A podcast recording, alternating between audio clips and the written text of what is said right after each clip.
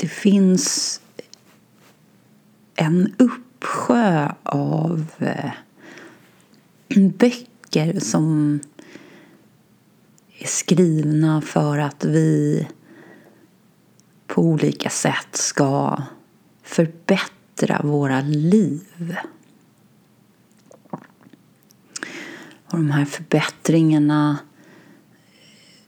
om vi bryter ner dem så handlar de om flera olika saker. Ofta att vi ska söka och förhoppningsvis finna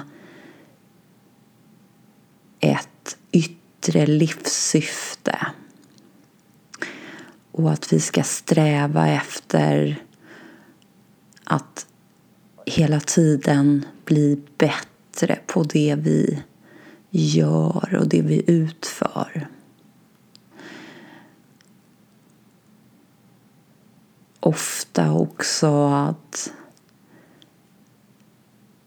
sträva efter att hela tiden förändra i riktning att förbättra vår livssituation på olika sätt. Och um,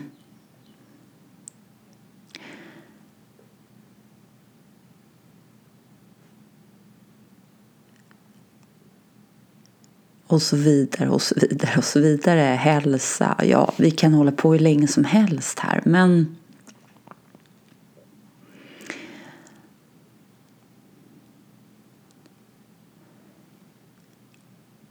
Jag var själv inne i allt det där under en period. Läste många av de där böckerna och tillämpade många av de metoder som beskrivs.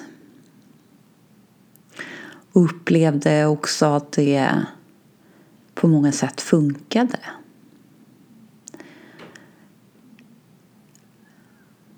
Men nu när jag sitter här och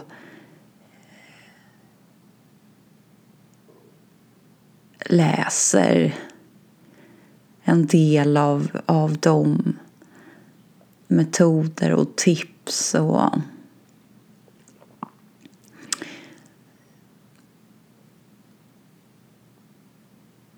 möjligheter lite grann som erbjuds i de här böckerna så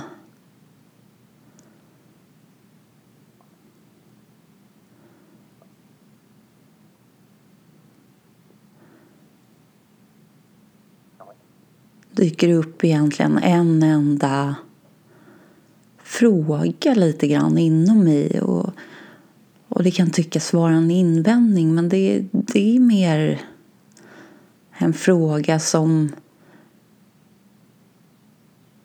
dök upp till slut efter att jag hade gått igenom många av de här böckerna och tillämpat många av de metoder som föreslogs. Och den frågan handlar verkligen om and then what? Och sen då? Och någonstans var den och är den också kopplad till alla dessa förbättringar, alla dessa mål som tydliggörs och på något sätt riktningar som uppenbaras för oss när vi lyder författarnas råd och gör lite grann så som de säger.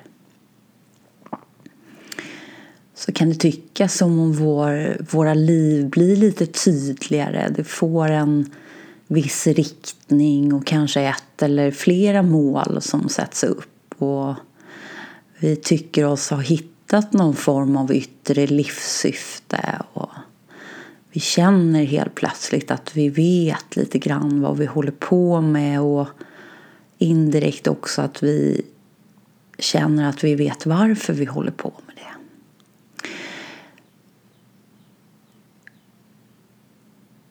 Men någonstans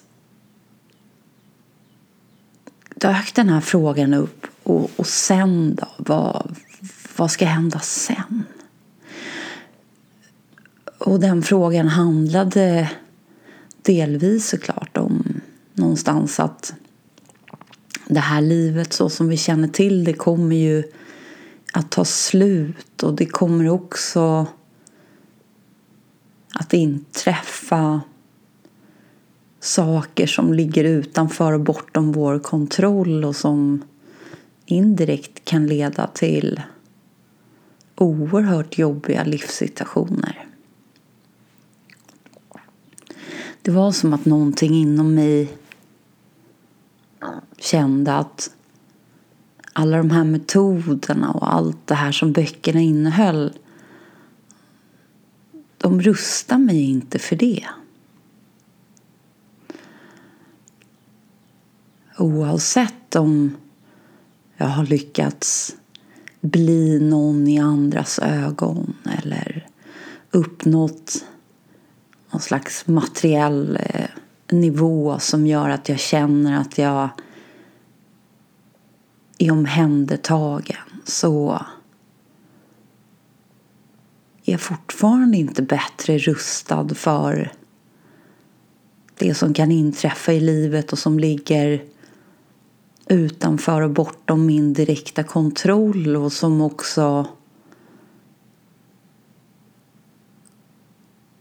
kommer komma till mig och, och lite grann slå mig väldigt överraskande därför att jag, jag kan inte förutse vad, vad det skulle kunna vara. Och någonting kunde inte låta bli att uppehålla sig där. Att, att se att det kommer ju ändå längre fram eller när som helst egentligen så kan det komma saker som händer och som gör att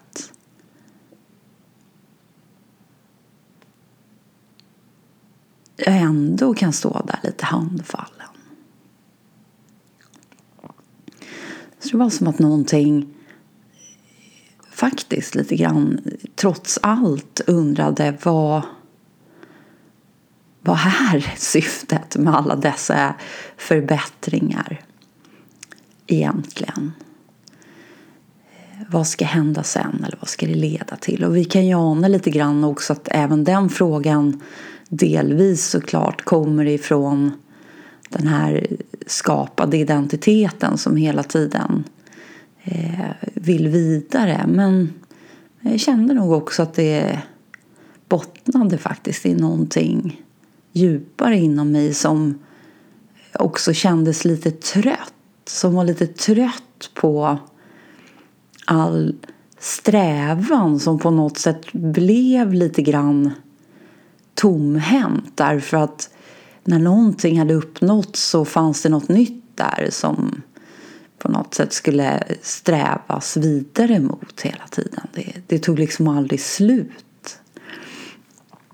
Och jag vet att jag har nämnt den här boken tidigare men den heter Working with the Law av Raymond Holloway, Hollywell. Och under titeln så har han också skrivit Eleven Truth Principles for Successful Living.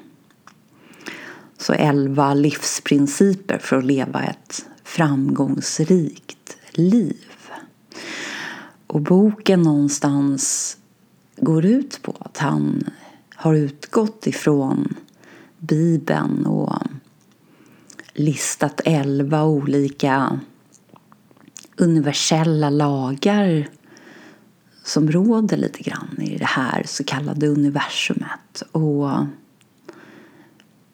flera av de lagarna som vi har varit inne på kan vi också ana i eh, vissa uttalanden som bland annat Jesus gör. Och även andra om vi tittar på karmalagen eller lagen om orsak och verkan. Och av en händelse så slog jag upp en sida i den här boken för ett tag sedan och då landade jag på just the law of increase eller lagen om förbättring. Och där menade författaren då att våra liv väldigt mycket handlar om att hela tiden berikas mer och mer och mer.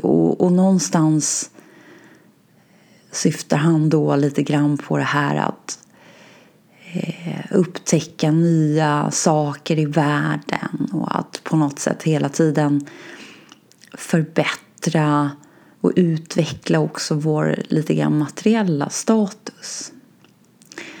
Eh, och även såklart förbättra oss själva så tillvida att vi strävar på att bli bättre på att utföra det vi gör till exempel. Men, men på olika sätt, i olika former att sträva mot att hela tiden förbättra och höja oss och indirekt det vi har omkring oss.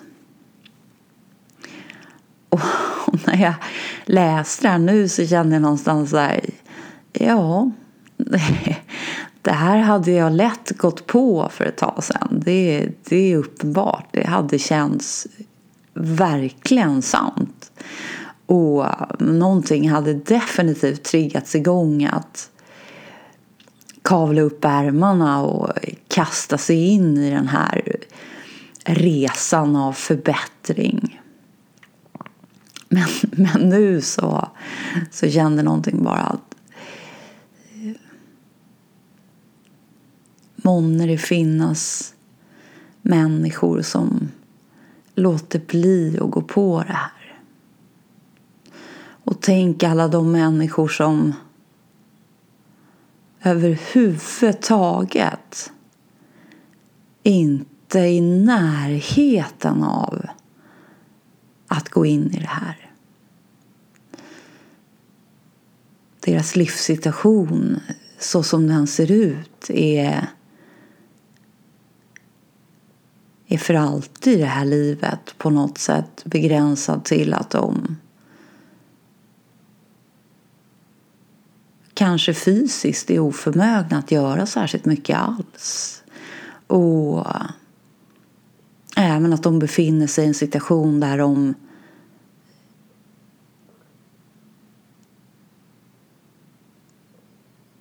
inte någonsin kommer att kunna betrakta sig som väldigt fria i världen av olika skäl. Räknas inte de?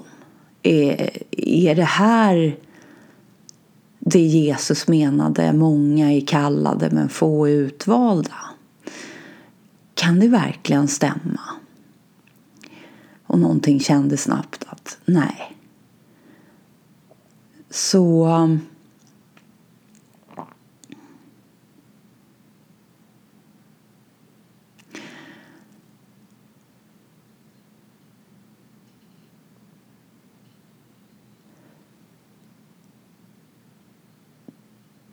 måste finnas något djupare här. Det, det måste handla om någonting inom oss snarare än en koppling till det yttre.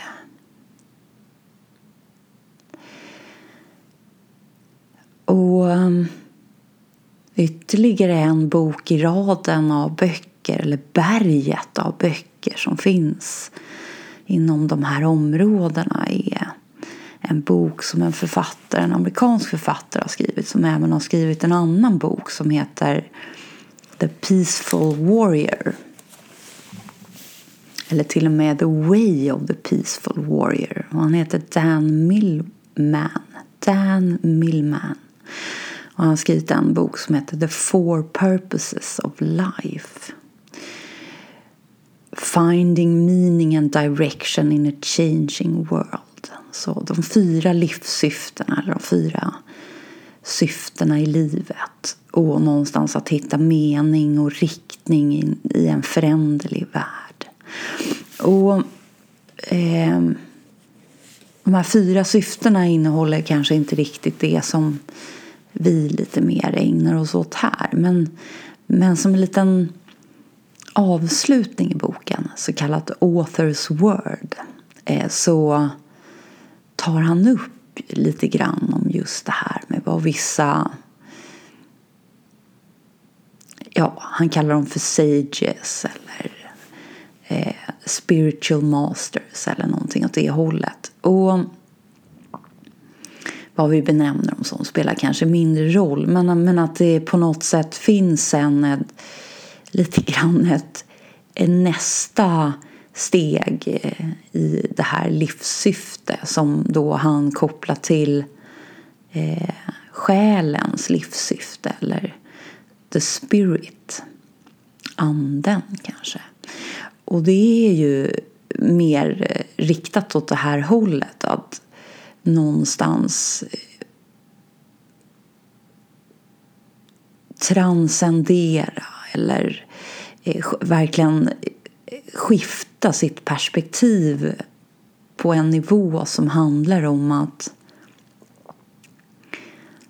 se lite grann en ny så kallad verklighet. Och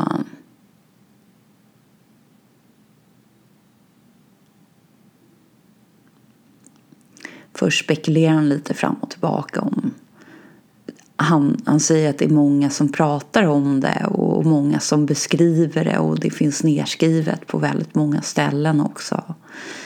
Eh, men man kan fundera över om det verkligen existerar eller inte. Men lite grann i slutet av, av det här författarens egna ord kapitlet så kommer han ändå lite grann fram till att det, det faktiskt existerar och att det faktiskt också indirekt eh, leder till att vi blir uppfyllda. Det, det, är som att genom att det skiftet sker så spiller det över på allt annat i det som vi skulle kunna kalla för våra liv. Men trots det så är det inte med i hans huvudkapitel utan det är som en liten teaser längst bak. Vem vet om han kanske ämnade att skriva någon bok om det efter den andra. Men man kan ju fundera över lite det han bland annat nämner där också. Och, och det ser vi ju har sett också hos flera av de här smeknamnen eller så kallade mästarna. Att tystnad är ju någonting som de lite grann sätter högst. De beskriver egentligen inte riktigt sanningen på något sätt och vill helst egentligen inte prata om den ens genom att nämna den. Eh, Jesus eh, använde liknelser och Buddha valde att vara helt tyst och Ramana eh, ger ju inga ingående beskrivningar alls egentligen av, av källan eller sanningen eller vad vi nu ska kalla det för. Och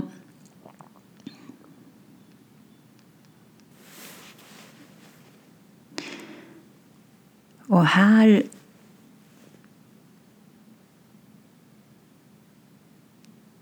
kan vi någonstans konstatera att det finns nog flera poänger med att inte prata om det egentligen eller ge sig på att beskriva det. Och det, det stora, eller det största, är ju såklart att det, det upplevs som fullständigt obeskrivbart. Det är verkligen bortom ord.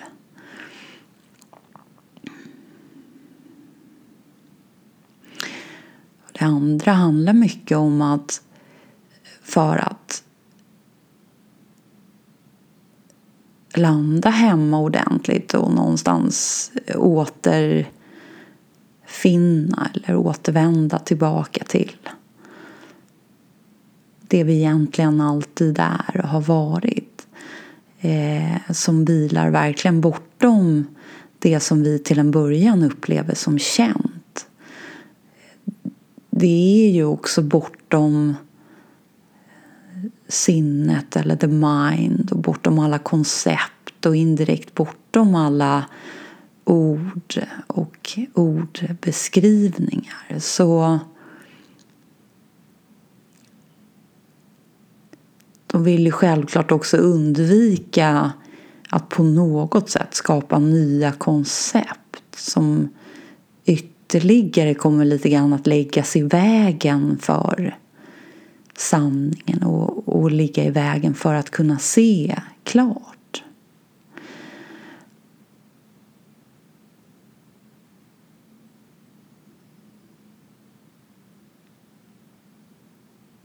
Men också intressant är ju just om det nu är så här att det enda som riktigt kan göra att vi upplever oss uppfyllda och strävan och alla andra indirekt alla begär stillas och vi kan vara här utan att riktigt vara här så tillvida att oavsett vad som händer i, i våra så kallade liv och eh, hur livssituationen ser ut och kommer komma att se ut lite grann vilar bortom oss så tillvida att vi förblir orörda.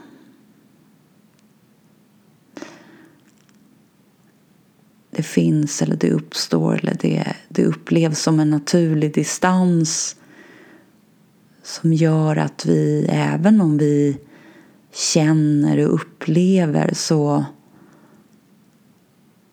vilar ett lugn inom oss som handlar om en inre vetskap om att det egentligen inte är riktigt på riktigt.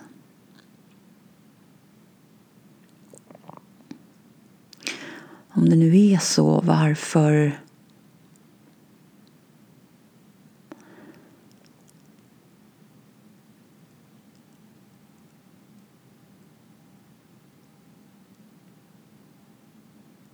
är det så få som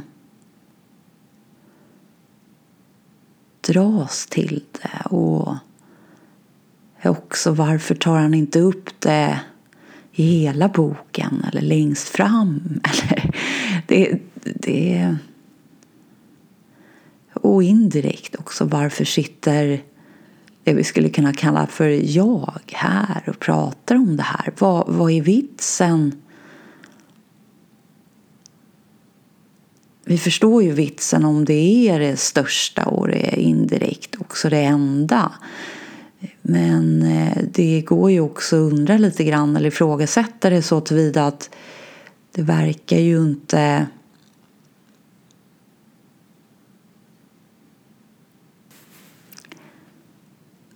som särskilt många är riktigt attraherade av det här budskapet i världen.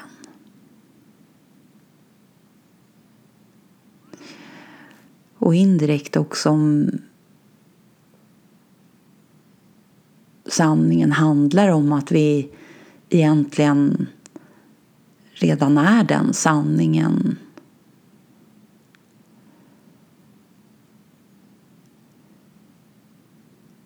Är det då egentligen viktigt att också medvetet komma fram till den sanningen? Om det redan är så, vad, vad är vitsen? Kan vi inte istället ägna oss åt att njuta i det vi kallar för livet och kanske försöka sträva efter att faktiskt förbättra allt i våra liv så mycket som det går och indirekt som flera av de här författarna också tar upp att bli någon i världen som också blir ihågkommen i världen att sträva efter det.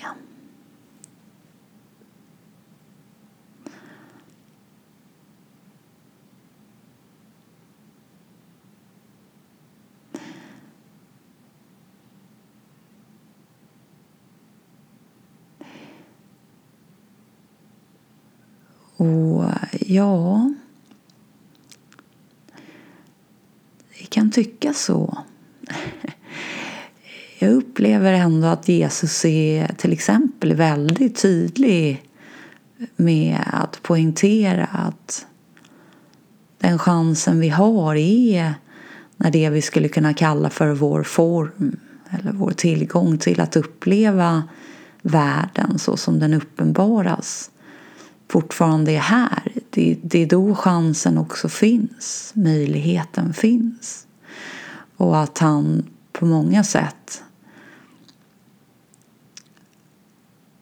både förmanar och uppmuntrar och eh, också lite grann varnar för att det, om vi inte tar chansen då så kommer den inte finnas sen. Och om det kommer leda till att vi föds igen i det här eviga kretsloppet eller vad det än kommer att innebära så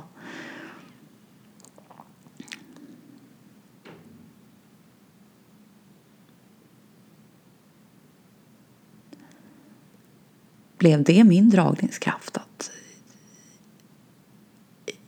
det var som att ingenting annat i slutändan kunde leda fram till någonting utöver en form av död. Död till världen så som vi känner till den. Och att det sen kommer komma någon form av fortsättning, ja det var jag nog redan då övertygad om. Eh, sen om det var i någon andevärld och hur, hur det skulle se ut och lite grann om någonting skulle återvända hit eller inte. Men det kändes även där som att det var inte riktigt lockande.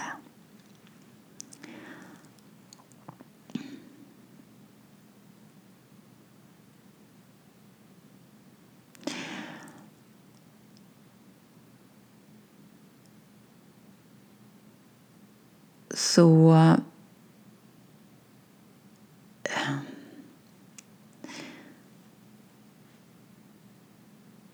tror att vi inte behöver eller jag är övertygad om att vi inte behöver egentligen lägga någon energi på att fundera över varför den här dragningen finns inom oss och varför andra inte lockar lika mycket. Så här efteråt så finns det bara en tacksamhet över att det, det var så. Men eh, uppenbarligen finns någonting inom er också som, som känner så eller som indirekt verkar så i era liv. Och det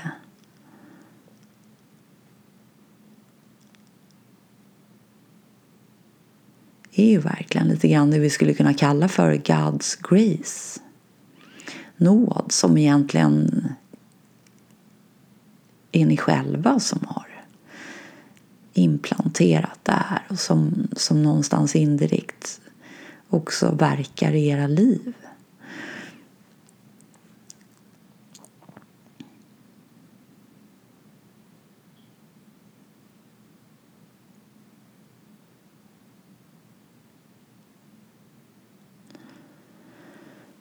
Och av alla de människor som har kommit och gått så är det väl de som verkligen strävade efter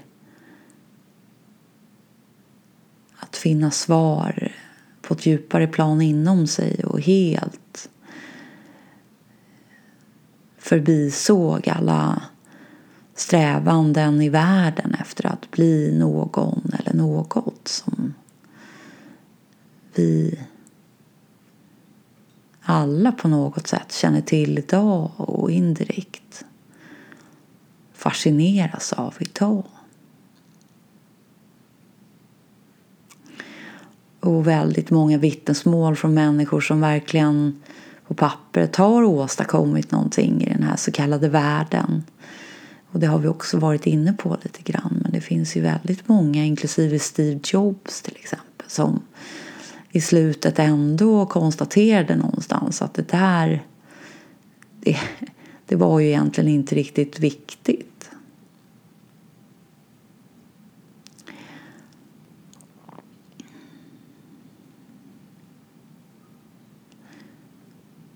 Så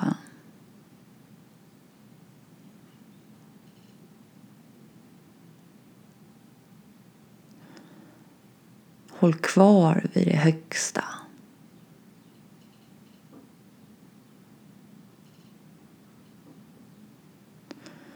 Oavsett vad de allra flesta indirekt talar om för oss att vi istället borde göra eller fokusera på i världen. Och känn verkligen